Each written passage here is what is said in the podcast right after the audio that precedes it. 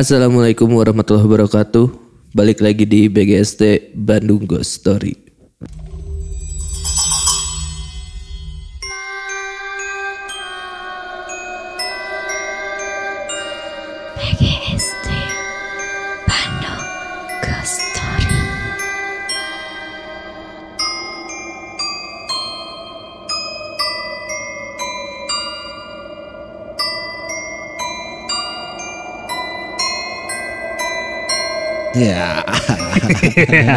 Tidak ada gangguan opening. Biasanya diganggu Farhan. Ini masih berdua Iya. buat episode kali ini karena Farhan ternyata belum sembuh. Belum sembuh. Eh, kemungkinan kalau pas ini tayang kayaknya udah harusnya udah sembuh sih. Ya, Harusnya. maksudnya tag yang sekarang masih berdua karena Farhan, belum sembuh. Jadi Iya. ya masih minta doanya aja buat cepet sembuh. Cepet Tapi kayaknya orangnya seneng-seneng aja dia sakit. Dia nggak kerja berapa hari. Enggak dia ini nggak bisa ngebokep. Soalnya dia sakit tuh setelah dia dua hari berturut-turut coil. Kayaknya emang dari situ deh. Iya. Ada kuman-kuman Ada masuk kuman-kuman situ. masuk. Terus soalnya selama dua hari itu dia banyak kejatuhin barang lah. Hari pertama tuh kan mesen bancakan kan kita makan siang. Oh. Orang mesen usus oseng gitu. Can di dahar kurang ke selabu, Mang. Ku si eta teuing kumaha carana. Terus hari kedua na teh di ruangan. Eh, hari pertama teh paginya kopi kopi dulu jatuh, kopinya dia jatuh tumpah. Terus makanan orang. Terus eh, besoknya pagi-pagi minumnya dia jatuh eh tumpah lagi di ruangan. Iya, orang kudu iya sih kudu merenyo kan si Farhan pasti ngadegikeun ieu nya. Heeh. Ya han mana mah geus eureunnan eta teh geus aya eh, pertanda anjir. Heeh, emang lamun mana itu teh geus ieu ya. Lamun misalkan kan si Farhan dua hari berturut-turut, mun tiga hari berturut-turut geus lewat anjing eta. Goblok jahat, jahat, jahat, Tapi jahat. kan maksudnya masih, kayak masih dikasih pertanda dua Iya. hari akhirnya kayak gitu. Mun sapoe di lewat eta. Si. Farhan teh ingin membuat image dia tuh eh, bukan cunihin, bukan mesum. Tapi bagaimana orang tidak ingin mencap dia mesum ya? Kalau penyakitnya masalah itu. Anjing kamu gono kumaha nya eta anjing. Pikirnya kamu gono tah anjing. Tapi kayaknya gara-gara dia nggak divaksin deh waktu kecil. Oh ada eh, campak ya? Rel campak. Oh, oh, oh, bisa jadi sih. Ada kemungkinan ke situ. Ini warga Bandung kalau misalkan eh, kita kedengar seperti berbisik-bisik ya warga Bandung udah udah tahu lah ya. Kalau kita sekarang ngeteknya malam lagi. Malam lagi kita berarti empat eh sebulan berarti udah ya Udah full. sebulan, ya empat episode, Empat episode. malam terus. Uh, respect.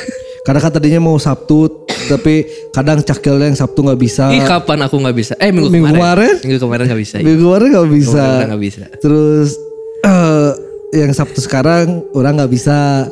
Tapi emang lebih banyak Anda kan. Iya, iya, tapi karena ternyata ya Sabtu kan emang eh jatuhnya kan kenapa orang milih Sabtu ngetek karena orang Sabtu libur. Iya. Jadi nggak ada nggak ngerjain apa-apa lah. Hmm, jadi santai lah. Jadi santai. Nah, makanya kenapa orang milih Sabtu jadi orang bisa ke sini.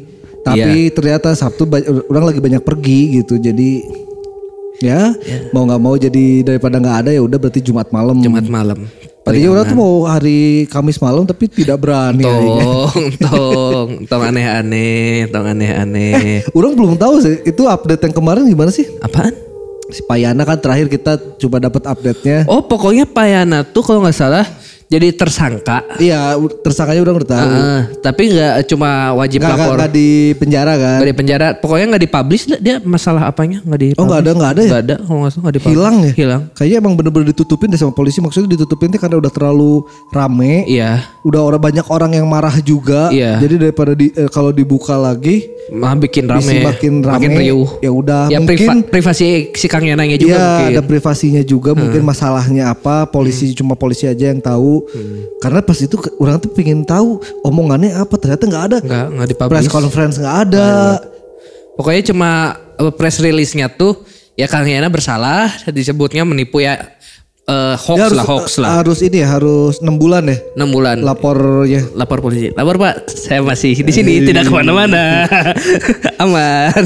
dia diduganya karena mengirim voice note anjing. jadi jangan macam-macam ngirim voice note anjing. ih, ih takut. tadinya orang eh, orang eh, kemarin orang baca tweet, tweet di Twitter tweetnya si Bri Ya. itu ngebahas tentang Charles Pangeran sih Wah.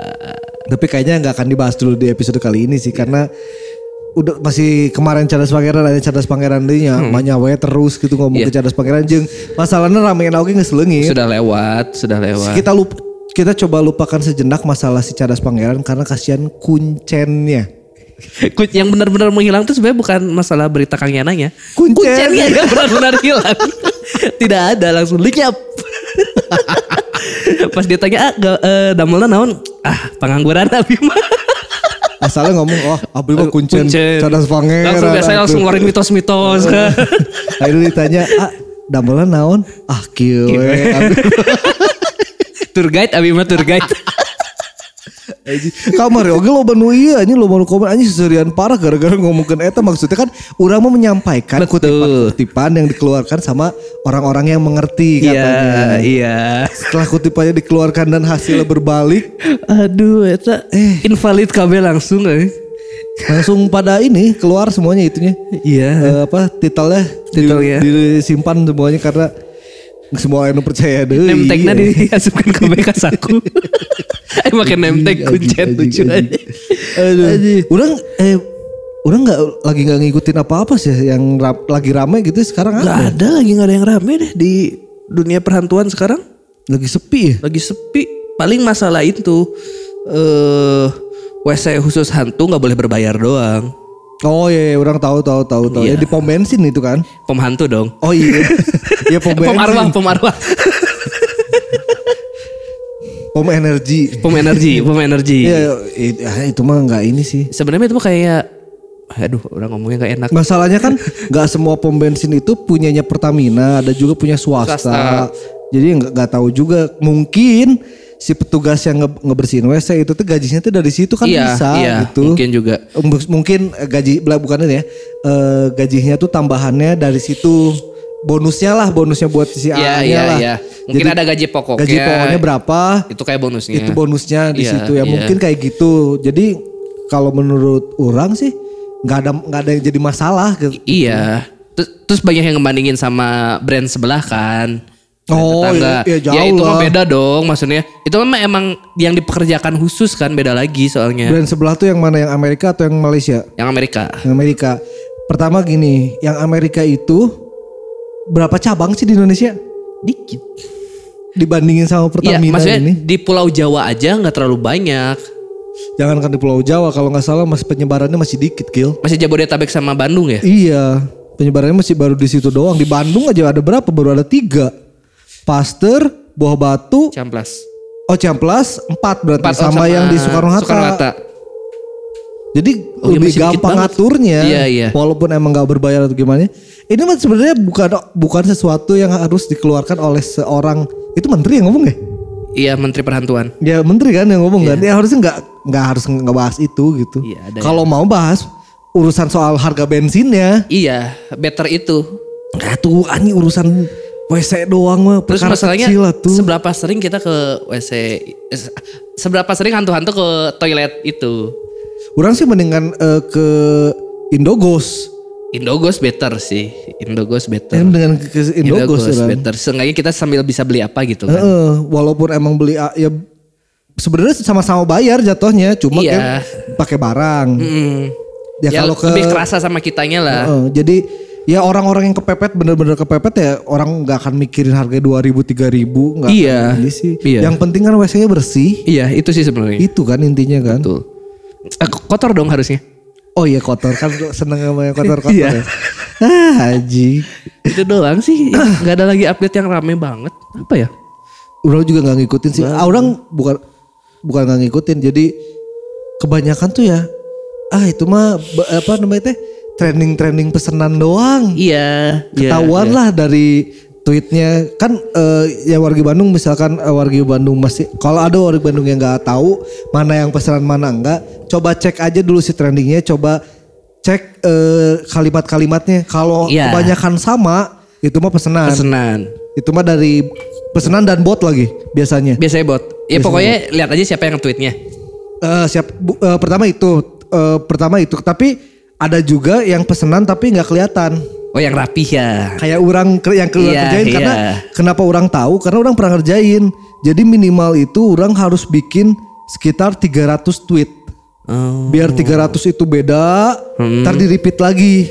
Jadi Ah. karena udah terlalu jauh, Jadi orang nggak bisa Jadi ngecek. orang nggak ngecek. Nggak ngecek. Iya iya. kalau 10, kalau 50 itu masih agak kelihatan lah. Hmm, Makanya kenapa mintanya 300. Orang udah, 300. orang maksudnya udah pernah ikutan campaign itu. Iya. Jadi Ya orang tahu. Ini gebut banget sih sampai ngeliat 300 tweet di scroll terus. Terus eh kok ini ya gitu ya terus kan. misalnya dia udah ke tweet 300 nggak akan mungkin inget tweet yang pertama dong. itu tuh sebenarnya eh, bikin orang biar biar organik sih dan Iya, kadang iya. kalau misalkan emang yang pesenan apa trending yang pesenan itu kadang nggak organik karena nggak nggak relate ke banyak orang Iya iya iya. itu Ya. jadi ya ramenya di situ lah kalau minggu ini nggak ada kan minggu kemarin eh, rame banget si Kang Yana ini tapi ternyata si Cakil taunya ditutup kan kasusnya Iya ditutup kan. doang. Soalnya nggak nggak digembar-gemborkan pas Kang Yananya hilang. Eh, ya mungkin ada masalah di belakangnya yang lebih besar sampai polisi aja bilang oh ini mah udah nggak usah nggak usah di Iya. nggak usah disebarin lagi lah.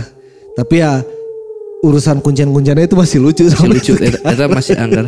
sampai banyak yang nge-story kemarin bawa-bawa ular kuning kan. Mana oke pakai ular Orang sengaja, kan. sengaja orang, orang sengaja itu, orang sengaja. Nah, Warga Bandung di episode BGST kali ini kita punya dua cerita. Du, cukup dua cerita tapi ah coba ntar dengerin aja Iya. dulu ceritanya. Tapi sebelumnya eh makasih buat warga Bandung yang udah ngirimin cerita tiba-tiba Banyak pisan. membludak. Orang Kaget orang. apa sama orangnya Kaget orang. DM ada. Dem ada beberapa banyak DM DM tuh ini yang yang satu ini tuh dari email sama dari DM. dari DM. Terus kemarin tuh ada yang nanya Min, saya bukan orang Bandung tapi eh, saya mau ngirimin cerita boleh nggak? Ya boleh. Boleh, boleh aja teh. kita mah. Terus ternyata saya orang Bogor katanya. Oh, oke kata orang teh nggak apa-apa, Terus apa-apa. Eh, di email tiba-tiba nambah lagi, nambah, lagi. Padahal maksudnya eh, kenapa kita kaget? Karena biasanya kita harus ngebuzzer dulu, Iya, baru, baru- membeludak. Iya baru nerima Kayak banyak. maksudnya karena ada ada buzzernya dulu kan. Iya. Ini- Kalau ini nggak ada gitu. Iya nggak nggak ada sama sekali, tumben pisan. Eh, mung- Ya. ya. mungkin ya berdekat eh, kemarin si Cakil kan ngomong di noise udah mulai peningkatan followers Iya. peningkatan apa mungkin juga ada dari sana baru ngedengerin pengen ceritanya diceritain Iya. terus akhirnya ke email juga ada ke DM juga ada akhirnya mau cukup membeludak sih. Iya. jadi eh, buat warga Bandung yang udah ngirimin ceritanya eh, mohon maaf kalau misalkan diceritain agak lama karena ngantri, Ngantri. ini kita eh, ngetek ini cuma dua cerita itu karena cerita yang pertama itu panjang Panjang iya. jadi kita pilihnya cuma dua. Nanti buat next episode kayaknya kita bakalan pilih tiga tiga tiga. Tiga-tiga. Karena kita juga sebenarnya mau naikin buzzer, Iya. mau naikin buzzer buat nanya ke warga Bandung. Takutnya itu belum kebaca, ntar Ketimpa lagi. ketimpa lagi, ketimpa lagi, ketimpa Oh lagi. sama kayaknya next buzzer yang bakal eh apa yang dulu apa dulu Jep, Pak aduh gitu. ya udah usah sebenarnya. Ya kayaknya next buzzer kan bakal kita minta cerita lagi ke warga Bandung Hmm. dan kayaknya di publishnya nggak cuma di sini. Oh ya, ntar bisa ini sih sebenarnya ntar kan kita juga udah pernah bahas ya kalau misalkan warga Bandung mau dipublish di web juga cantumin aja. Iya. Ini buat buat di web sama podcast gak apa-apa. Tapi kalau mau di podcast aja juga sok mangga Sok aja. kasih tahu aja. Jadi Iya. ntar kita bisa pilah-pilah mana yang di website, mana yang di podcast. Ya siapa tahu cuma pingin eh, ngedengar kita bereaksi ceritanya kayak gimana Ah. gitu atau pingin emang di share ke banyak orang gitu. Nah, orang tad- eh, tadi kan iyanya. Jadi eh oh, orang udah nyiapkan iya sih kades ya mana kudu nyiapkan episode deh gini. Jadi ntar Oh kaleidoskop ya. akhir tahun kita bakal bikin satu episode khusus eh, si BGS yang isinya tuh kebanyakan cuplikan. Iya ya. Kebanyakan cuplikan dari setahun episode eh satu tahun episode yang udah kita tayangin di tahun 2021. Mending ini aja lah. Aduh tapi susah Tapi nyarinya. kriterianya ada empat. Pertama Eh, podcaster seram, episode terseram. episode terseram itu kan harus ya terseram Harus, ya. harus. Kan BGST kan kita. eh, makhluk terseram, ya kan? Iya. Terus yang eh, ada dua kandidatnya lagi adalah eh, episode terlucu dan makhluk terlucu. Jadi eh, tapi kita sebenarnya bisa harus eh, ntar kita tanya deh ke warga Bandung deh kita bikin buzzernya. Iya. Jadi selama satu tahun ini yang warga Bandung denger itu mana yang terseram, mana yang terlucu ya kayak Terlucu. gitu-gitu ntar kita ini jadi ntar kita bacain juga aja. Iya, iya. Jadi nggak cuma ngedengerin cuplikan-cuplikan doang. Oh sama kemarin kan kita ngomongin masalah eh, merch. Jadi ada beberapa yang nge-DM ke BDG Podcast, ada beberapa juga yang ke DM orang juga pribadi pada minta. Oke, ntar aja lah itu mah. Ya tapi juga na merchnya iya we nya. Eh, hantu-hantu nama ya Ya, tuh, tuh, ya tapi dibuat lucu sih itu bagus sih. hantu kunci. Eh, udah udah kepikiran sih hantu kunci yang di film Insidious ya, ah yang mana? yang tangan tapi ujungnya teh Oh yang kunci, Kunci, jari-jarinya, ya. ya, jari-jarinya itu kunci. kayaknya bisa tuh Jari-jarinya diambil dari kunci. situ. Iya iya Tapi iya. pocong dilucuin kayak gitu kayaknya Si bisa. iya sih. aceng. Anjing bener tinggal tulisan pocong aceng eh, anjing. Eta masih kesel orang mending cerita eta. Tapi cek mana kan lebih lucuan pocong tono daripada pocong aceng kan. OKB pocong tono. Oh kamu pucung tono. tidak ada huruf lain. Kasihan tidak kreatif. Nah, orang eh, ini sebenarnya eh, jadi sel- eh, beberapa hari ini orang tuh sambil mikirin juga karena kita udah mau tahun baru kan. Orang lagi mikirin lagi, orang harus bikin konsep apa lagi nih buat BGST nih. Kes- akhirnya orang riset, riset lah nyari-nyari podcast-podcast Horor lain. lain. Betul. Eh, ya pokoknya cari orang lain itu gimana bahasnya, ada gimana gimana gimana cari di podcast, cari di YouTube. Konsepnya orang masih mikirin lagi gimana apa pembedanya lah sama tahun ini. Terus orang tuh nemu satu video Apa tuh? dari RJL 5. RJ5 teh oh yang RJL 5. Eh. RJL 5 tuh kan di YouTube-nya gede di Iya. Spotify udah mulai gede sekarang. Yang ngobrol-ngobrol sama orang-orang yang pernah ngalamin hantu. ya. Kalau dia kan ngobrol eh, datengin langsung orangnya kan. Iya. Terus orang nge orang ngeklik eh, si vid- salah satu videonya karena eh, thumbnailnya menarik. Eh apa ya thumbnailnya menarik. Thumbnailnya adalah thumbnailnya ada tulisannya adalah eh, kisah perias jenazah eh, kisah horor perias jenazah.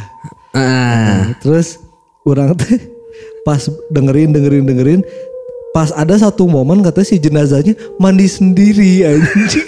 Aing tuh pengen ketawa sih Akil. Anjir. Harusnya di, di podcast itu serem kan harusnya. Menurut mau. Aduh. Kebayang gitu kan. Pasti di kamar mayat kan biasanya kayak gitu kan. Iya di kamar mayat di ruang duka Di biasanya. ruang duka kan. Heeh. Set, dia tuh udah nyiapin bawa kotak make up. Ah. Set, terus biar biar biar. Wah kayaknya ada yang lagi mandiin mayat juga. Eh, enggak ba- biar biur kalau di rumah duka tuh di shower. Oh, pakai shower ya? Iya. Wah ada yang lagi mandiin mayat juga pas lihat lah mandi sendiri. Anjing lucu sih itu anjing. lah lah Masih bisa pak? Masih. masih. Kalau cewek eh priasnya berarti cewek ya? Dia cowok. Oh priasnya cowok. Masih cowok. Oh berarti dia ini nggak mau dipegang sama cowok lagi. Enggak berarti pas udah mau dimandiin nggak bisa nggak mau nggak sama saya bisa sendiri kok. Jangan sama saya awkward. Asli. Terus dia akhirnya keluar terus ngegali sendiri. Mandiri sekali. Mandiri sekali. Eh kalau nguburin sendiri susah. Enggak, dia ngegali sendiri terus masuk peti kan biasanya kalau yang dirias kan Oh, masuk peti, iya. masuk peti tutup sendiri terus pa- paling teriak tutupin eh, gitu doang. Enggak atau nggak nggak ketok. Oh, Udah. udah. Siap oh, beres. sudah sudah tenang berarti. Mantap. Oke siap. Itu berarti pas masa hidupnya tuh emang dia mandiri terus. Mandiri banget dia. Jadi berdikari. Apa-apa tuh sendiri, apa-apa tuh sendiri. Jadi sampai meninggal aja dia masih bisa ngerjain itu sendiri aja. Anjing lucu sih itu anjing. Oh masalah ini mah konsep baru. Ada yang ini sih kemarin tuh minta ada nge-review kita minta ri- mereka minta kita nge-review anime apa sih yang hantu? Ada baru. Oh iya ya orang itu ba- dibahas tuh bisa bisa tuh. Jadi ada eh, maksudnya film kita bahas film, Iya. bahas. Jadi nggak nggak melulu cerita dari wargi Bandung. Iya. Terus kemarin juga ada yang nge-DM eh, nge-DM ke BDG Podcast terus bilang, "Min, rekorna pecahkeun dong." Cenah. Rekor naon cenah eta nge- ngetek peuting cenah. Ah anjir aing teh aneh-aneh wae jelema euy. asal aya 50 jelema mah orang wani dalam satu ruangan eta aya aya oge nu nge-DM ternyata kill. naon Eh, dari si Akang Lutfi Afrizal. Lutfi eh Lut, Lutfi Alfariz. Dia teh mang orang keur ngadagukeun BGST di kantor di kantor episode si Ucil Tuyul. wah dia udah lama banget Si itu Ucil Tuyul tuh videonya. video Yang gitu. ngebahas kita iya nge-video sama Tamarandi yang kita bahas-bahas tentang tuyul. oh iya yang awal-awal ya Heeh, di menit 18.05 18.06 nah juga suara budak leutik seurinya backsound kah urang urang ngomong urang can dicek deui sih kayak lah ya Kayaknya di urang dicek deui. Nah, buat sekarang kita dengerin dulu cerita pertama dari siapa, Kil? Pertama dari Teh Tiara Priliani. Assalamualaikum Min.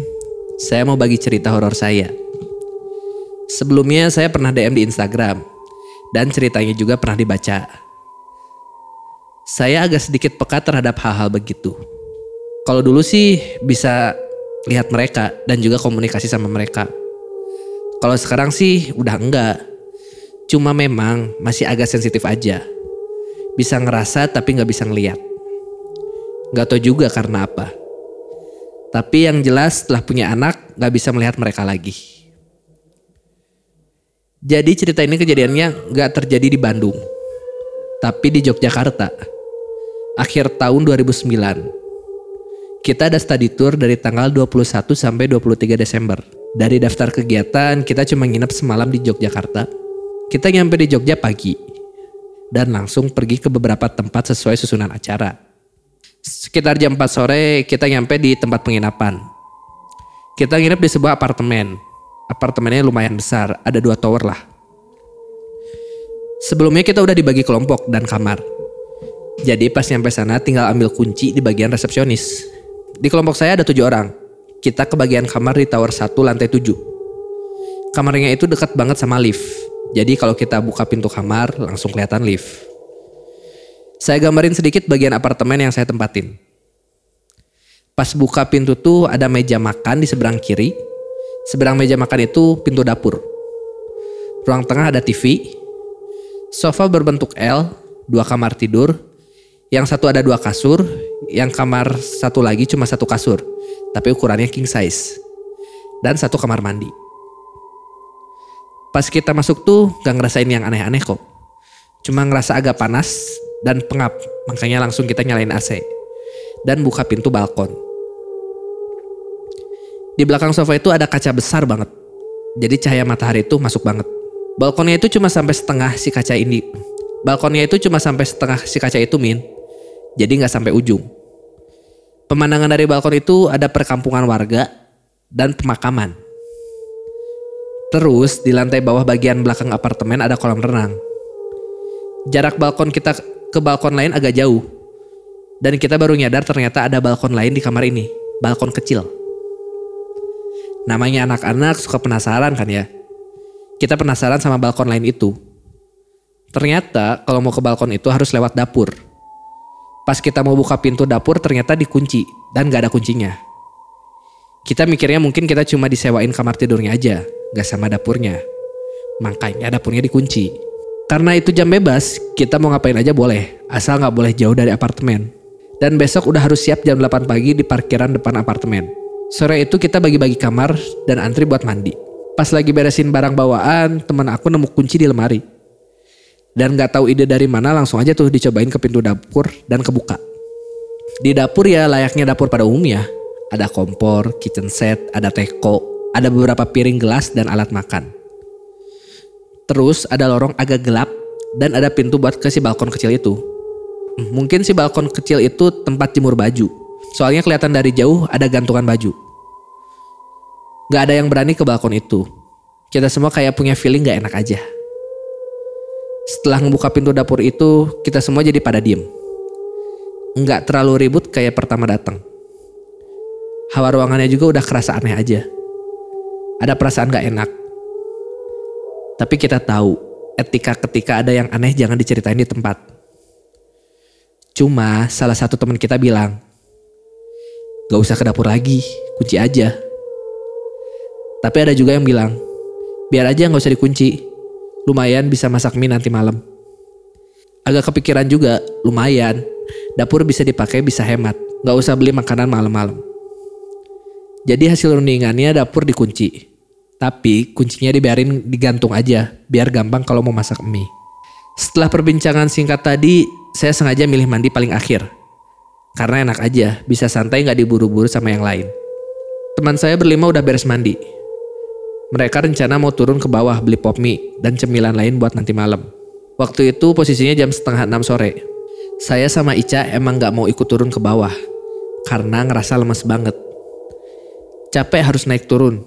Jadi kita berdua titip sama temen yang lain. Pergilah mereka berlima itu. Pas saya mau tutup pintu, tiba-tiba ada ibu-ibu sama anaknya lewat ke depan saya. Ibu-ibu itu tanya kita dari mana. Ya saya jawab, dari Bandung dan lagi study tour. Anehnya, itu ibu-ibu nanya-nanya ke saya tapi matanya ngeliat ke dalam apartemen kita. Mun bahasa Sunda nama lenga-lengo. Yang pertama kepikir tuh ini orang aneh. Takut punya niat aneh-aneh. Mana ini jauh dari kamar guru-guru lagi. Saya langsung potong pembicaraannya dengan alasan mau mandi. Terus si ibu-ibunya cuma bilang, semoga betah ya, sambil senyum dan pergi. Saya masih liatin ibu itu sampai dia masuk ke kamarnya. Kamarnya dia ada di ujung lorong, masih sejajar sama kamar kita. Saya cuma ngerasa takut aja. Orang asing, tempat asing, takut macem-macem gak mikir yang lain lagi. Ica yang baru beres mandi sempet nyamperin dan nanya ada apa. Saya jawab ada orang aneh dan langsung masuk ke kamar mandi terus kunci pintu. Saya mandi pas azan maghrib. Tapi karena udah tanggung lanjutin aja. Sejak kejadian kita buka dapur, emang suasana kamar jadi agak creepy gitu. Tapi berusaha buat nggak mikir yang aneh. Pas beres mandi mau ambil handuk yang digantung, handuk itu nggak ada di gantungannya. Pindah ke dekat wastafel. Padahal saya yakin handuk itu digantung deket banget sama tempat saya mandi. Tapi sekali lagi berusaha untuk masa bodoh. Beres mandi saya lihat Ica lagi tiduran di sofa. Dia bilang agak ngantuk. Saya pun duduk di pojok sofa. Sofanya bentuk L berarti di pojok ruangan itu. Gak lama telepon di kamar bunyi. Dan ternyata telepon dari teman sekamar kita. Yang ngabarin kalau dia ada di kamar teman yang lain di lantai 5. Mau main dulu. Saya sempat nanya, kenapa gak nelpon HP aja? Mereka cuma mau nyoba telepon aja, lagian kata mereka gratis ini. Kalau telepon ke HP harus bayar. Saya sih nggak ambil pusing kalau mereka mau main ya terserah lah. Malah bagus jadi bisa istirahat tenang nggak ribut. Si Ica terus-terusan bilang dia ngantuk banget pengen tidur. Saya jawab ya kalau mau tidur ya tidur aja lah. Gak lama Ica tidur aja kayak orang pingsan. Saya panggil-panggil gak respon. Sempet mikir ini orangnya tidurnya kebo. Masa dipanggil gak nyaut sih? Tidur juga belum sampai 5 menit. Nah, mulai dari sini saya diganggu. Karena sendirian yang bangun dan sadar, kamar tuh berasa hening banget. Nyalain TV volume kenceng tapi tetap aja kerasa sepi. Asalnya gak terlalu dirasa karena fokus main HP. Tapi kemudian HP habis baterai. Kemudian gabut. Nonton TV gak nemu yang rame. Tiba-tiba ruangan kerasa dingin banget. Saya matiin aja AC-nya. Dinginnya kayak nusuk ke kulit karena nggak tahu apa lagi, keluarlah ke balkon. Di luar suhu udara agak panas. Tapi kenapa di kamar dingin banget ya? Pemandangannya agak bikin horor. Kalau tadi sore sih bagus-bagus aja. Kalau malam lihat pemandangan pemakaman agak serem. Mana sendirian pula. Terus bawaannya mata tuh pengen aja ngeliat ke si balkon kecil. Kayak ada perasaan harus lihat ke sana tapi saya tahan. Akhirnya mutusin buat masuk lagi ke dalam dan tutup pintu balkon. Tapi di ruangan kamar tuh tetap kerasa dingin. Saya coba telepon teman-teman lain biar mereka pada balik lagi ke kamar. Tapi mereka bilang lagi asik main monopoli. Beberapa kali saya telepon tetap mereka nggak pulang-pulang ke kamar. Nyoba tidur nggak bisa. Mau pergi keluar kasihan si Ica yang lagi tidur. Bangunin si Ica nggak bangun-bangun. Udah teriak, badannya diguncang-guncang. Sampai saya siram pakai air si Ica nggak berkeming. Dia tidur aja pules. Karena takut si Ica kenapa-napa, saya telepon lagi teman-teman dan bilang kondisi di sini gimana. Dan si Ica gimana. Mereka nanggepinnya santai aja, malah sambil ketawa ketiwi. Emosilah jadinya. Pas lagi ngenumbel sendiri, tiba-tiba dari sudut mata kelihatan kalau kunci dapur itu gantungannya bergerak. Kayak ketiup atau kesentuh. Langsunglah loncat ke pojokan sofa. Pas lagi coba nenangin diri, tiba-tiba dengar suara ketukan kaca. Saya celingak-celinguk, coba fokus dari arah mana suara kaca itu diketuk. Masih bingung suara ketukan kaca dari mana, ada lagi suara ketukan ternyata. Asalnya dari pintu balkon. Makinlah aku mojok menjauh dari pintu. Baca doa cuma sebisanya. Hening banget kerasa. Hening banget kerasanya. Padahal TV nyala. Saat udah mulai tenang, Tiba-tiba ada lagi suara kuku yang digores ke kaca. Pas belakang saya banget suaranya.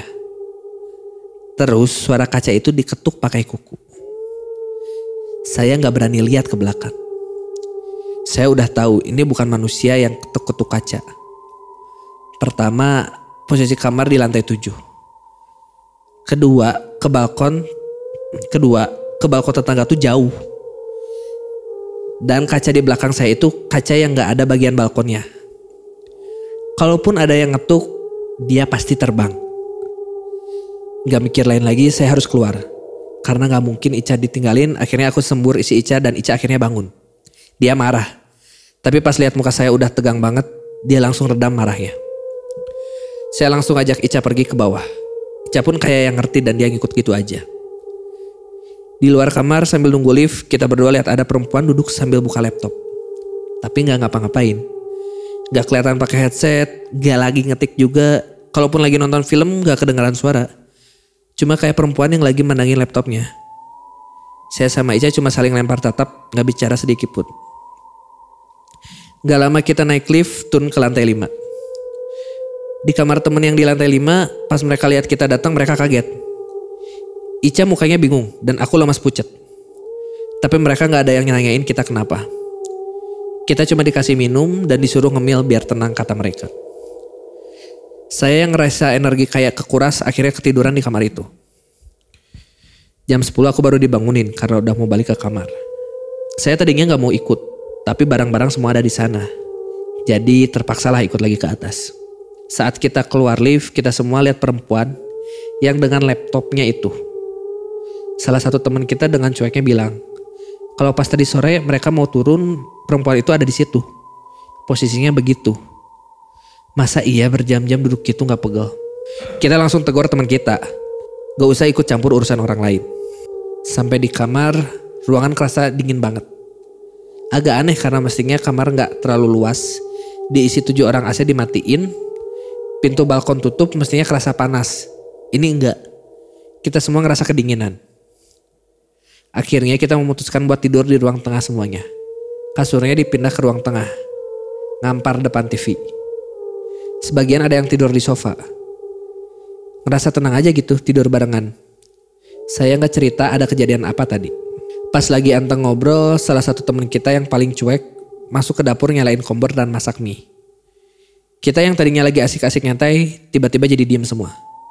Dia tanpa dosa aja nyanyi-nyanyi. Masak mie, ribut sendiri. Udah diingetin jangan terlalu berisik, udah malam. Dia malah jawab, tadi di kamar bawah juga kita berisik gak ada apa-apa. Kenapa di sini nggak boleh? Ngedengar omongan dia, kita semua memutuskan udahlah baca doa terus tidur. Biarin dia sendiri. Saya yang sedari tadi ngerasa nggak enak, gelisah nggak bisa tidur. Lihat yang lain udah pada tidur, saya coba alihkan perhatian saya dengan nonton TV. Sambil mulut nggak putus baca doa. Gak tahu kenapa tiap mulai ngerasa tenang, baru muncul gangguan.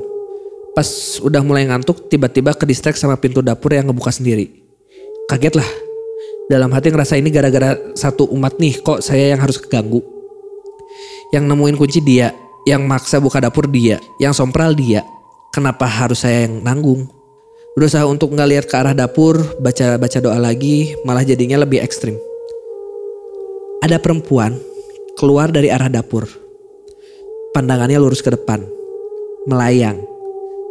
Gak ngeliat ke arah aku, dia keluar dari dapur dan duduk di meja makan yang persis ada di depan dapur. Lemas, kaget ngeliat dengan jelas bentuknya. Bajunya, rambutnya, wajahnya ketutup sebagian sama rambut. Mau teriak nggak bisa, mau baca doa malah jadi gagap, cuma bisa melongo. Dalam hati berharap dia jangan balik, jangan lihat ke arah saya. Tapi ternyata enggak. Dia noleh ke arah saya. Mana pakai senyum pula. Tatapan matanya kosong, setelah beberapa saat nge-freeze, akhirnya maksain buat teriak. Astagfirullah. Sambil nutup mata. Saking kencengnya teriak sampai semua kebangun. Dan si perempuan itu hilang begitu saja. Mereka yang panik nanya kenapa.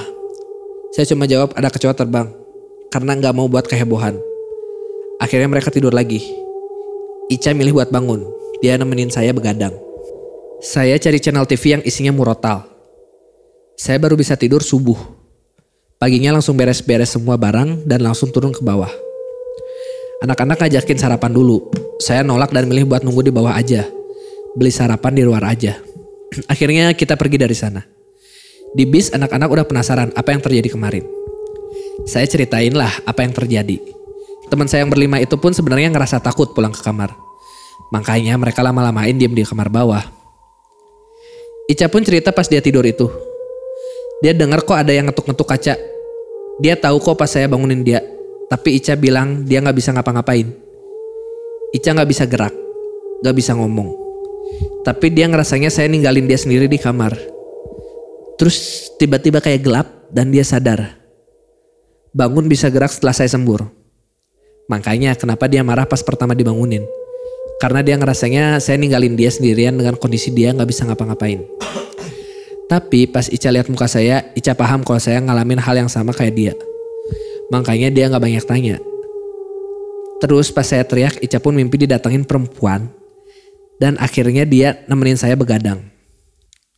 Oh iya, pas saya mau turun ke lantai bawah, saya papasan di pintu lift sama ibu-ibu kemarin itu.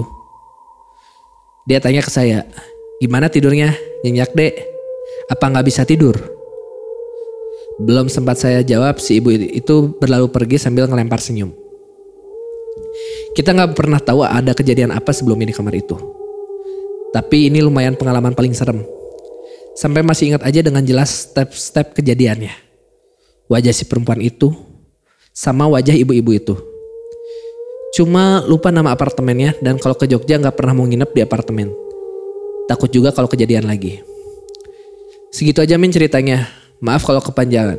Kalau kurang serem juga. Semoga bisa nambah koleksi cerita serem mimin-mimin semua. Sumpah Min, ini aku ngetik sambil merinding-merinding. Masih keinget jelas kejadiannya. Serem anjir. Udah merinding berapa kali bacanya, fuck. Fuck. Orang pura-pura gak denger mana sih. Serem anjir. Udah kan bikin si, orang ngirim ke mana jam berapa sih? Malam ini.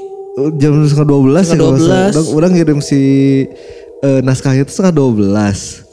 Pas orang bikin bikin si cerita eh, apa ngerapiin si cerita ini aja buat jadi naskah gitu ya. Bari luak dia ke tukang terus kayak ada yang ngetok di kaca mirip ya wa- walaupun orang tahu sebenarnya kan lagi ada serangga gitulah di Ya luar. yang jadi nabrak-nabrak ke kaca. nabrak ke kan. kaca tapi pas pas pisan lagi orang ngeinin jir juga tuh orang merinding berapa kali ini bikin teks ini Ini makanya kalau awal-awal emang eh, agak dragging tapi kenapa dragging ya karena dijelasin, dulu dijelasin semuanya jadi runut runut. Ini kalau misalnya orang malas ngedit ya kayaknya bakal kedenger Pak Baliut orang bacanya. Soalnya pengen cepet-cepet beres tapi mana kan di kan gak di non kata-katanya emang kudu deh di dikat di dikat Iya. eta sih Tapi serem aja makanya orang tadi tuh bacanya cepet-cepet karena pengen beres aja. panjang sih Panjang pisan anjir serem aja. tadinya orang tuh udah ah, udah orang terkuat orang kirim hiji weh tapi takutnya tuh pas ngetek beki puting gitu ya udahlah orang beresin aja karena yang kedua sebenarnya serem tapi nggak nggak nggak nggak seserem yang inilah kenapa nggak seserem yang ini karena yang kedua itu di luar di ruang terbuka Ah, ya. Enggak maksudnya yang apa? Enggak orang, orang tuh selalu serem sama kalau ada penampakan atau apa di ruang tertutup kill Ya kaburnya susah ya. nggak bisa ke mana-mana Iya, iya. Ya, tapi kalau kata dulu tim Saskara juga better ketemu di tempat terbuka Mm-mm. Daripada di ruangan-ruangan. Anjing enggak masalah ini teh. Karena diceritain runut banget, kevisualin. Iya iya orang juga pas baca ke- Kevisualin. Pas Ruangannya keluar- gimana. Pas keluar kamar eh, terus ketemu ibu-ibu ibu-ibunya tuh yang kayak itu. Iya. Kan masalahnya teh di depan lift ya. Si kamarnya teh Mm-mm. Jadi lift langsung kamarnya. Terus ah anjir. wah serem. Ada pintu dapur tapi dikunci. Terus tiba-tiba kuncinya ketemu pas dibuka suasana jadi nggak enak. Itu teh kayak lu merinding orang. Kayaknya momennya Kayak sengaja ditunjukin. apanya? Iya sih kuncinya. Iya, sengaja ditunjukin. Sebenarnya pas awal-awal juga orang, orang kan bacanya agak agak runutnya agak kan karena ceritanya karena harus di, eh, didetail dengan jelas awalnya letak-letaknya Iya. biar eh, nggak nggak bingung gitu ceritanya kan. Terus pas yang anduk, Iya. yang anduk ya udahlah cuma gitu doang mungkin lupa nyimpen. Iya, ya mungkin kayak Farhan lah seperti biasa. Ya mungkin dia ingetnya nyimpennya di situ ternyata bukan di situ sebenarnya itu masih Iya. bisa dilogikakan. Terus eh, beres itu si si orang orang pas pertama baca si Ica orang nge ini si Ica pasti ay- ayah Ada sesuatu. something soalnya Karena dibangunin dibangunin nggak bangun-bangun. Heeh. kebluk-kebluk teh maksudnya sampai ya dicipratin air mukanya Iya, orang orang bangun. mikirnya karena apa coba? Karena capek sih. Oh iya Perjalanan jauh. Kalau kan study tour gitu kan tidak mungkin pakai pesawat ya. iya pasti naik bus Pasti naik bus ya. Perjalanan kan bete dia ngomong, pasti dia ngomong eh, apa? Eh, nyampe pagi. iya Udah ya udah nyampe pagi terus langsung main. iya Langsung main ke tempat wisata, pasti ke wisata. ya sefun-funnya study tour pasti capek lah nyampe sore istirahat. Dan orang juga baru ngedenger ini. Kenapa ada study tour yang di apartemen? iya orang kaget ke apartemen. Sehemat-hemat banget dia. Biasanya kan di hotel. hotel. Karena apartemen teh nggak se nggak ya walaupun banyak apartemen yang disewain di Bandung juga banyak yang tapi kan nggak satu lantai gitu. Jadi kepisah-pisah kayak tadi kan ada Iya. yang di lantai 5 ada yang di lantai 7 guru di tower sebelah. Istilahnya ya buat keamanannya lebih iya kurang. susah lebih susah. Ini yang bikin orang kadang malas ke Jogja cerita-cerita kayak gini. Takut orang. Banyak sih. Soalnya nggak orang besar Babe. dengan cerita babe orang yang di Jogja sampai ketempelan babe orang sampai kan bahkan. jadi anjing yang ke Jogja jangan gitu. Orang masih menganggap di otak orang tuh Jogja teh serem.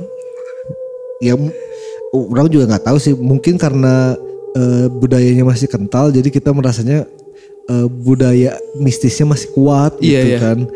Tapi anjir pertama kita runut ya warga Bandung karena ceritanya panjang jadi kita mau runut persingkat aja sih Iya. si ceritanya. Pertama anduk handuk itu ya? Kedua itu sebelumnya ibu-ibu dulu? Ibu-ibu mah kan itu.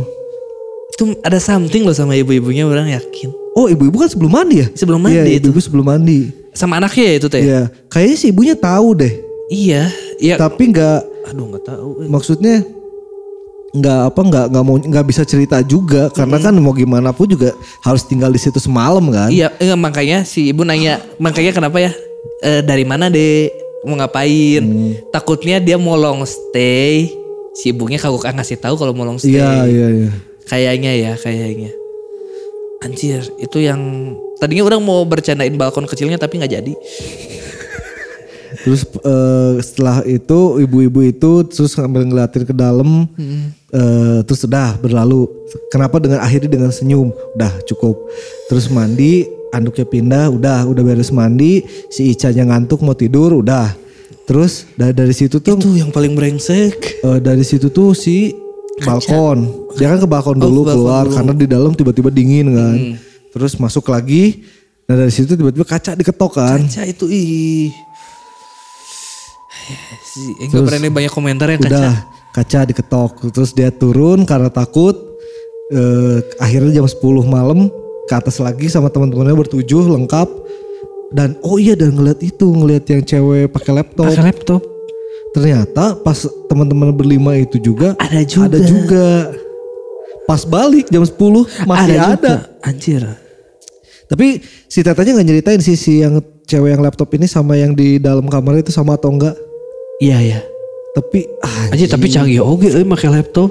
ya nggak tahu aja terus momen epicnya adalah pas orang paling merinding merindingnya adalah ketika si ku- kunci dapur goyang terus tiba-tiba pintunya kebuka Kebuka. terus Ada yang keluar. ah, anjing anjing Orang teh masih berharap temennya yang bikin mie ternyata bukan. Heeh, karena sebelumnya kan temennya bikin mie udah dan di situ tuh dia nggak diceritain dia pura-pura mau tidur kan Iya. ternyata nggak bisa tidur ternyata di situ tuh udah ke skip karena si temen yang bikin mie itu udah beres Udah beres. ternyata. Eh, Orang tuh berharap please teman, please teman bukan anjir. ngelayang lagi Enggak itu maksudnya dia sampai face to face ngeliat mukanya. Iya iya. iya. Kan awalnya bilang eh mudah-mudahan nggak nengok. Nengok. ternyata. Aduh Jatuhnya kayak erup-erup ya. nggak nggak nggak juga sih. Bukan erep-erep itu mah. Itu mah lebih ke ya udah dia aja ngeliat, ngeliat sosok. Kenapa dia teriak? Karena dia, dia takut aja. Ya terserah bagi orang aja. orang menenangkan diri dengan minum. Sok, sok, sok. Soalnya biasanya orang kalau ngebacain cerita tuh belibet karena salah baca kan. Eh, Orang kan kadang kalau tulisan numpuk gitu tuh suka pusing bacanya. Ini orang belibet karena pingin beres aja cepet. Jadi, jadi gini warga Bandung coba ntar kalau ngedengerin ini pas orang ngomong ini coba dengerin lagi si eh, apa ceritanya, Ceritanya. ulang sambil bayangin letaknya apartemen gimana keluar lift, terus masuk kamar, kamarnya tuh kan letaknya udah dijelasin tuh posisi-posisinya di mana. Coba bayangin pas momen eh, sebenarnya sa- salahnya tuh momen karena mereka takut akhirnya mereka bawa kasur keluar kan. Iya. Itu sebenarnya karena pas di situ kan pasti ruang tengah dan dapurnya pasti di ruang Pasti- tengah. iya, pasti Kalau di kamar kan nggak akan kelihatan. Tapi kalau di kaca lebih bete. Iya di kaca kata bisa ditutup tirai kan. Tapi ini masalah duduk di eh, meja makan Meja loh. makan. Ih, ya Allah ya Rabbi. Ih, serem. Ih. Aing nggak bisa kebun sih.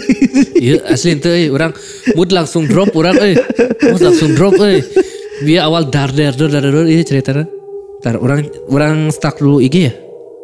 Dia kan pernah ngirim IG ya katanya. Iya iya. Yang mana? Oh yang Ibu Ratu, Ibu Ratu tuh yang rumahnya. Yang rumah, yang mana? kejadian yang di rumah. Oh, nu nu imahna iya lain. Hmm. Eh, nu mana sih? Yang pokoknya cuma yang nggak boleh diceritain. Oh, Aji, apa apa apa apa. Yang eh, Nu ngambek lah mau diceritain ya. mm-mm. yang dia pingin keluarga si Teteh ini hilang Hilang semuanya. akar-akarnya. heuh. Wah merinding. Wah dua-duanya merinding. Jos itu teh ceritanya. Wah bergidi kabeh. Tadi komentar akhirnya kalau tidak seram. Eh seram aja. Aneh aja. Orang tadinya kan duduknya nyantai gitu sampai ngeringkuk gitu. Orang tuh ma- masalahnya gini loh, warga Bandung yang in- yang ngirim cerita teh kadang suka sok gini, maaf Min kalau ceritanya nggak seram. Di, di level mana nu seremna gitu. Maksudnya KB cerita nu dikirim KBG teh seram karena kita nanyanya cerita seram. Betul. Bukan cerita lucu. Cerita konyol. Maaf kalau tidak seram. Ya, Wajar.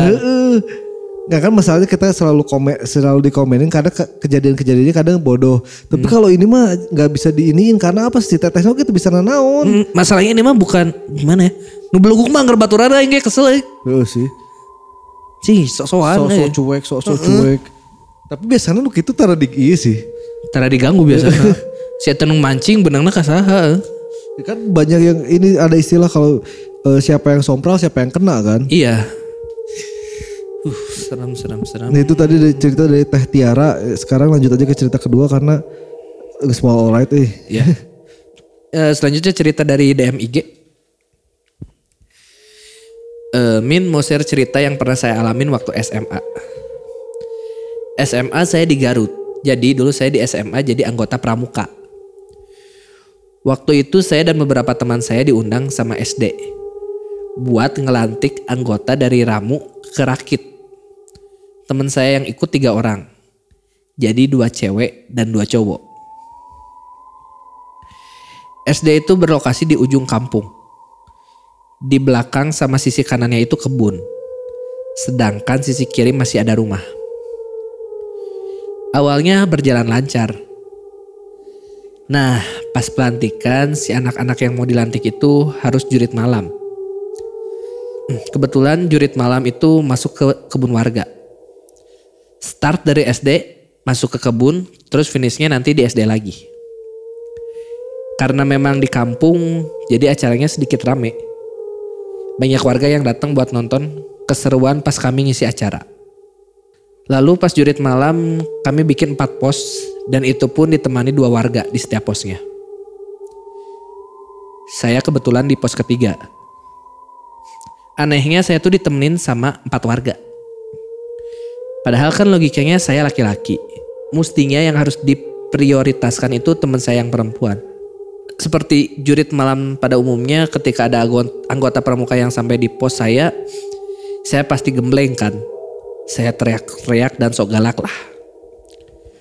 Waktu itu ada empat kelompok yang mau dilantik. Pas udah kelompok ketiga yang lewat, saya masih harus nungguin kelompok terakhir baru selesai. Anehnya setelah menunggu lama, kelompok terakhir itu nggak datang juga. Sampai akhirnya dari jauh saya ngeliat lampu senter menyala. Dalam hati saya udah punya niatan buat marahin mereka lebih gila. Karena kelompok empat itu kelompok laki-laki. Makin mendekat ternyata bukan kelompok empat yang datang. Melainkan itu teman saya yang dari pos 1 dan 2 yang datang. Saya bingung dong. Saya nanya ke teman saya kelompok 4 mana. Teman saya yang di pos 2 juga bingung. Soalnya kelompok 4 udah lewat mereka dari tadi. Dari sini kita mulai panik. Pasalnya kelompok 4 itu nggak nyampe ke pos saya. Setelah berunding kita langsung nyisir ke pos 4. Takutnya mereka nyasar dan langsung ke pos 4. Ketika sampai di pos 4, penjaga pos itu juga nggak bertemu dengan kelompok 4 ini. Akhirnya kami memutuskan untuk kembali ke SD itu. Takutnya mereka udah nyampe di sana. Dan ternyata di SD pun kelompok 4 nggak ada. Di sana kita udah mulai agak panik. Para warga dan Hansip di sana mulai nyari anak-anak itu. Sampai menyisir dua kali ke setiap perjalanan pos tapi belum ketemu juga. Ada dua kejadian yang bikin saya ketakutan. Pertama, memang gak dialami oleh saya, tapi sama teman saya yang untuk ketiga kalinya menyisir kembali. Belum jauh mereka menyisir, saya dengar teriakan. Dan tidak berapa lama teman saya dan warga pada balik lagi sambil berlarian. Katanya mereka ngeliat si Nyai pakai baju putih di kebun. Kondisi udah mulai gak karuan. Yang keduanya itu saya lihat dengan mata sendiri. Ketika saya dan para warga menyoroti kebun pakai senter, saya ngeliat kaki yang berlarian. Warga otomatis pada teriak, itu anak-anak bukan? Warga juga pada skeptis sih. Pasalnya yang kelihatan itu cuma kaki anak-anak aja, gak ada badannya. Akhirnya pas azan subuh, tiba-tiba kelompok terakhir itu datang dengan sendirinya. Perasaan kami semua campur aduk. Senang sekaligus sedih juga. Yang bikin saya merinding adalah ketika kami nanya ke mereka. Kelompok ini pada bingung. Mereka bilang kalau mereka ngelewatin pos kayak biasanya. Cuma yang bikin mereka aneh itu pas lewat di pos ketiga, tempat saya. Mereka bilang saya nyuruh mereka untuk terus lewat begitu aja. Padahal saya di pos 3 itu gak ketemu sama mereka sama sekali. Dan selanjutnya mereka emang gak nemu ke pos keempat. Jadi mereka langsung pulang dan sampai di SD. Usut punya usut, ternyata tempat saya itu belakangnya itu sebuah pemakaman warga yang emang udah lama. Makanya kenapa saya itu ditemenin sama empat orang. Mungkin penunggu di sana nggak suka saya teriak-teriak, jadinya kelompok terakhir nggak sampai.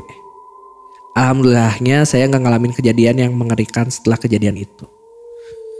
Nanti jangan disebutin nama IG saya ya Min, samaran aja, nuhun Min. Tidak disebutkan sama sekali. Tenang. Aing nah jadi balelolnya. Atuh, tapi dulu jadi lucu nanti sebenarnya kudu nyari itu si budak SD sih. Karena si budak SD ningali si jelema si jelema ieu.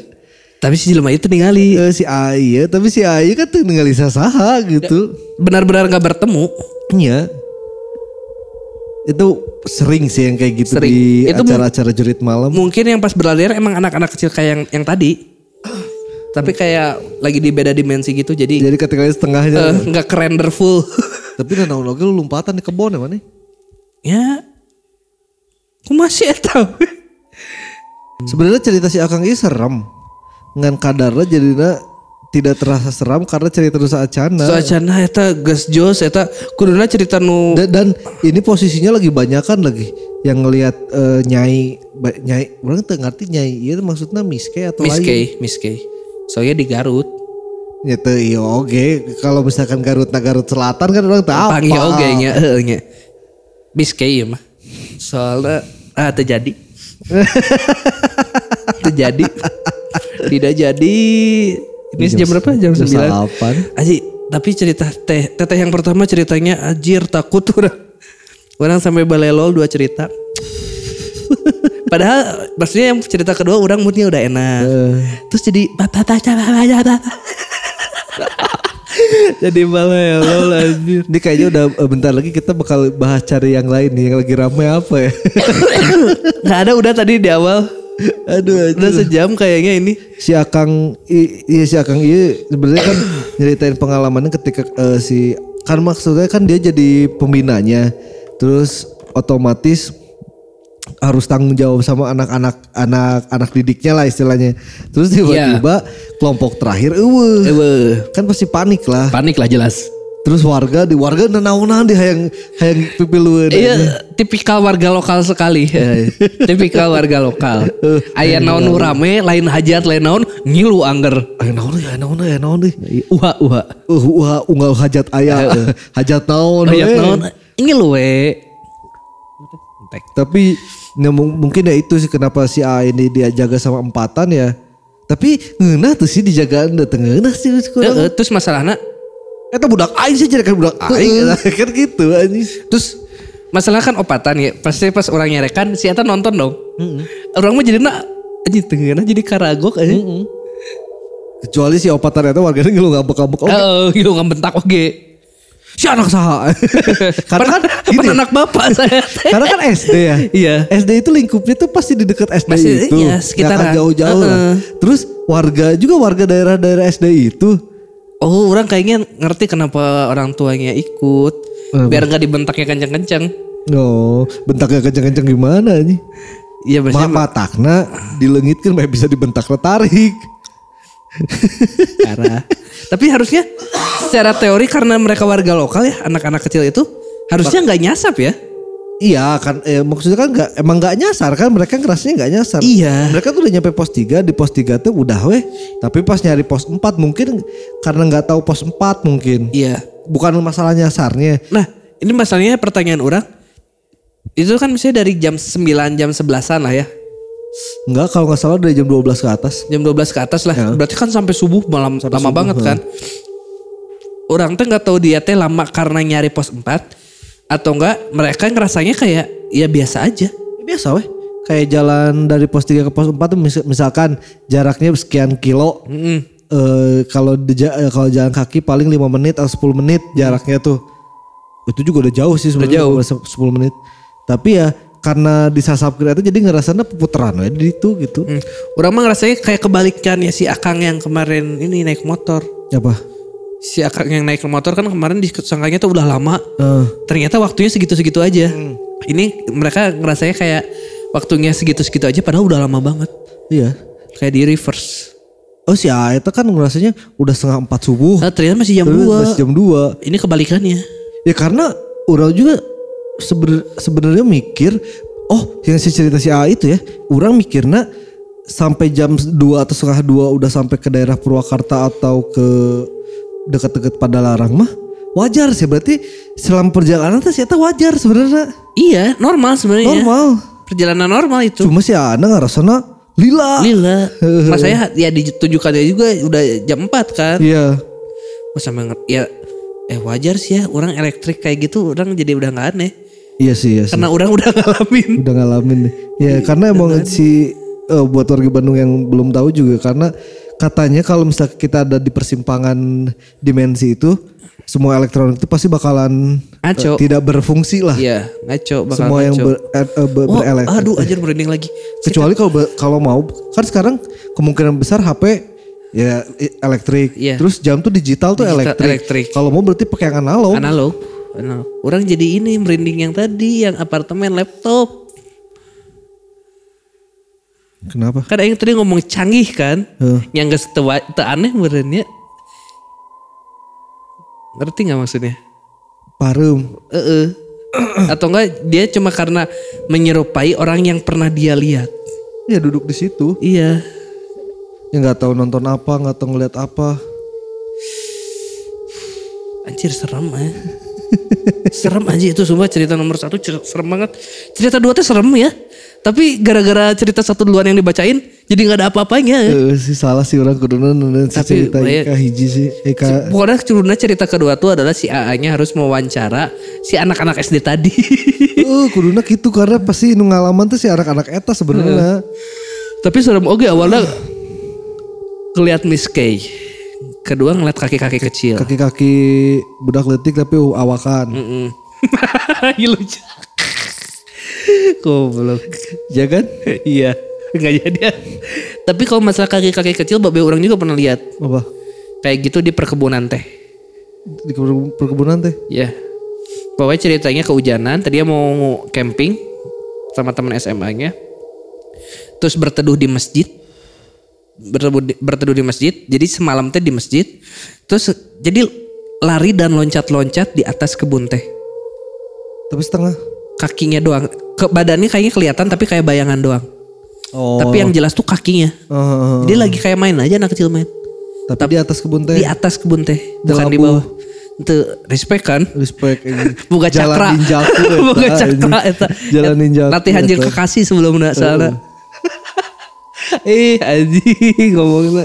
Tapi ya eh tadinya kita mau nambahin lagi ada beberapa cerita sebenarnya buat di episode kali ini tapi karena cerita yang pertama itu panjang jadi kita memutuskan untuk dua cerita dulu jadi warga Bandung yang misalkan udah ngirimin cerita ke kita mohon sabar ntar kita bakal ceritain entah ntar misalkan kita punya konsep baru atau gimana jadi cerita biar biar semakin banyak kita cerita yang bisa Kayak konsep diceritain. baru mah di tahun baru aja lah kagok ya. tahun baru aja lah ya. Iya. Nah itu aja warga Bandung kalau misalkan eh, warga Bandung mau ikutan eh, apa ya sa- eh, komen tentang episode terseram, terus yang tahun ini aja ya. Iya yang tahun aja ini ya. 2021 Tahun 2021 eh, apa episode terseram, terus makhluk terserah. makhluk terseram, Ma- cerita terlucu dan makhluk terlucu. Eh, itu aja.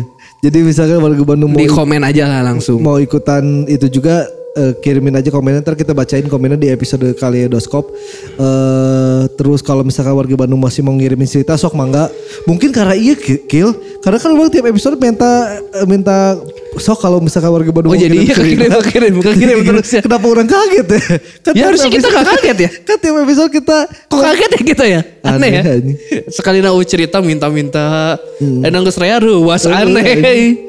Karena kan tiap, tiap, episode kita kalau misalnya warga Bandung mau eh, ngirimin ceritanya kan kita selalu ngomong gitu. Iya. Tapi kenapa pas kirimnya? Karena momennya tuh kebanyakan tuh yang ngirim cerita sebenarnya dari si eh, buzzer. Buzzer, Jadi biasanya. murudulnya tuh di situ sebenarnya. Ada sih sebenarnya dari itu satu, satu. Tapi sekarang tuh tuk tuk tuk tuk. Tanpa tuk, di buzzer tuk. juga ada yang ngirim berarti pendengar sudah banyak. Alhamdulillah. Alhamdulillah. Di noise kalau mau ikut-ikut komen ntar orang balesnya pakai akun pribadi ya. Karena udah DM ke noise nggak dibalas. Nggak eh. dibalas. eh. Uh, yang baca itu tadi. Udah warga Bandung eh, segitu aja dulu BGST episode kali ini karena Yes. Cakil sudah moodnya sudah Swing. Takut aja jadi takut ini semua ceritanya. Saya kebayang banget nggak sih? iya iya iya udah kita Theater udah of. Mind-nya kebayang banget. Apalagi apartemen lantai 7 mau lari ke mana mana? Iya anjir. Wah, wah serem. Naik pintu eh turun pintu darurat. Wah, tidak aja. Lagian kalau misalkan pas keluar ternyata yang di- pakai laptop itu masih ada gimana? Itu lebih tak anjir kayak Karena momennya udah dari jam 5 pas eh, teman-temannya cabut ke bawah aja ada. ada jam 10 5 jam berarti. Iya terus pas dia sama si Ica ini ke turun ke bawah ada. Itu masih oke lah kalau sejam ya masih oke. Ini jam 10 malam Tapi masih kan di situ. diseritain juga di situ si perempuannya Iya. ngeliatin laptop tapi nggak ngapa-ngapain. Dan nggak dijelasin juga itu duduk di bawah karena kan di apartemen nggak ada kursi di depan nih. Iya. Orang mikirnya kan kalau di apartemen tuh depannya kadang suka ada depan lift tuh suka ada kursinya gitu. Nggak ada apartemen mah. Ada beberapa. Oh, ada. Ada beberapa. Jadi kayak buat ya kayak buat nunggu gitulah. Heeh. Orang mikirnya di situ. Jadi laptopnya benar-benar di paha Di si cewek. Anjing enggak itu kalau bete itu pas misalnya pas si teteh ini kebangun yang kebangun pas malam kan. Panik gitu. Pas mau keluar kamar ada si cewek itu lagi masih ada terus kayak ngeliatin kayak cuma senyum doang. Sama kayak yang di dalam ya. Iya anjir. Pak. Terus naik lift anjir. Naik lift lift juga adalah satu tempat yang nggak banget sih. Gak banget. Makin sempit itu. Makin sempit terus kita nggak tahu ntar di depan ada apa. Wajir serem udah ini fix cerita terserem buat orang tahun ini. Cakil langsung ayah aja. orang merod aja. merod bisa aslian orang. Karena kan yang kita tahu juga ada waktu itu di, di eh, Galeri Cimbeluit kan ada yang pernah ditendang sama satpam tuh. Yang pas liftnya kebuka, tiba-tiba ada kayak suster gesot ditendang sama Iya. sama buak itu sama jahitan kan. Tapi kalau tiba-tiba tendang, muing, Nembus teh ya. ah, tidak kan? Padahal ke mana coba? Baik di Ah, kalif. Tidak. Tidak. Tidak anjir. Terus jelema-jelema nu ngeprank di lift wajar sih ditajong. wajar sih. Wajar sih. Goblok emang nu karen itu. Ini mah clean tidak ada kata-kata kasar. Ada sih sedikit. Dikit tapi ah serem. Tapi tidak banyak sompralnya karena ketakutan semuanya. Karena kalau ada si Farhan mungkin agak lebih hangat. Agak lah. lebih hangat. Karena cuma kita berdua. Soalnya si Farhan pas apa orang balelo pasti seri sih eta. Pas non? Pasti seri mun orang balelo. Eh, Iya bau si Farhan eh kan sia gerak sembuh anjing. Penyakit aneh-aneh dasar. ya kalau misalkan kita masih eh, ini ya kalau warga Bandung punya cerita horor di mana pun itu nggak harus di Bandung aja walaupun Hmm. Bandung Ghost Story kirimin aja ke eh, Instagram DM IG atau DM Twitter di @bdg podcast eh, tuh bisa juga lewat email di bdgpodcast@infobdg.com. Betul. Eh, bdgpodcast@infobdg.com. Balelol. Iya, kan saya juga oke kan ah, ketularan kamu. Yaudah gue dong sekian dulu episode BGST kali ini. Mohon maaf jika ada salah-salah kata. Untuk yang mendengarkan eh, ini dan yang ada di sini kita Iya. tidak bermaksud untuk menyinggung. Kita mohon maaf. Akhir kata Tadra pamit. Sakil pamit. Silakan dengarkan BGSD sendirian tapi tanggung resikonya masing-masing. Dadah.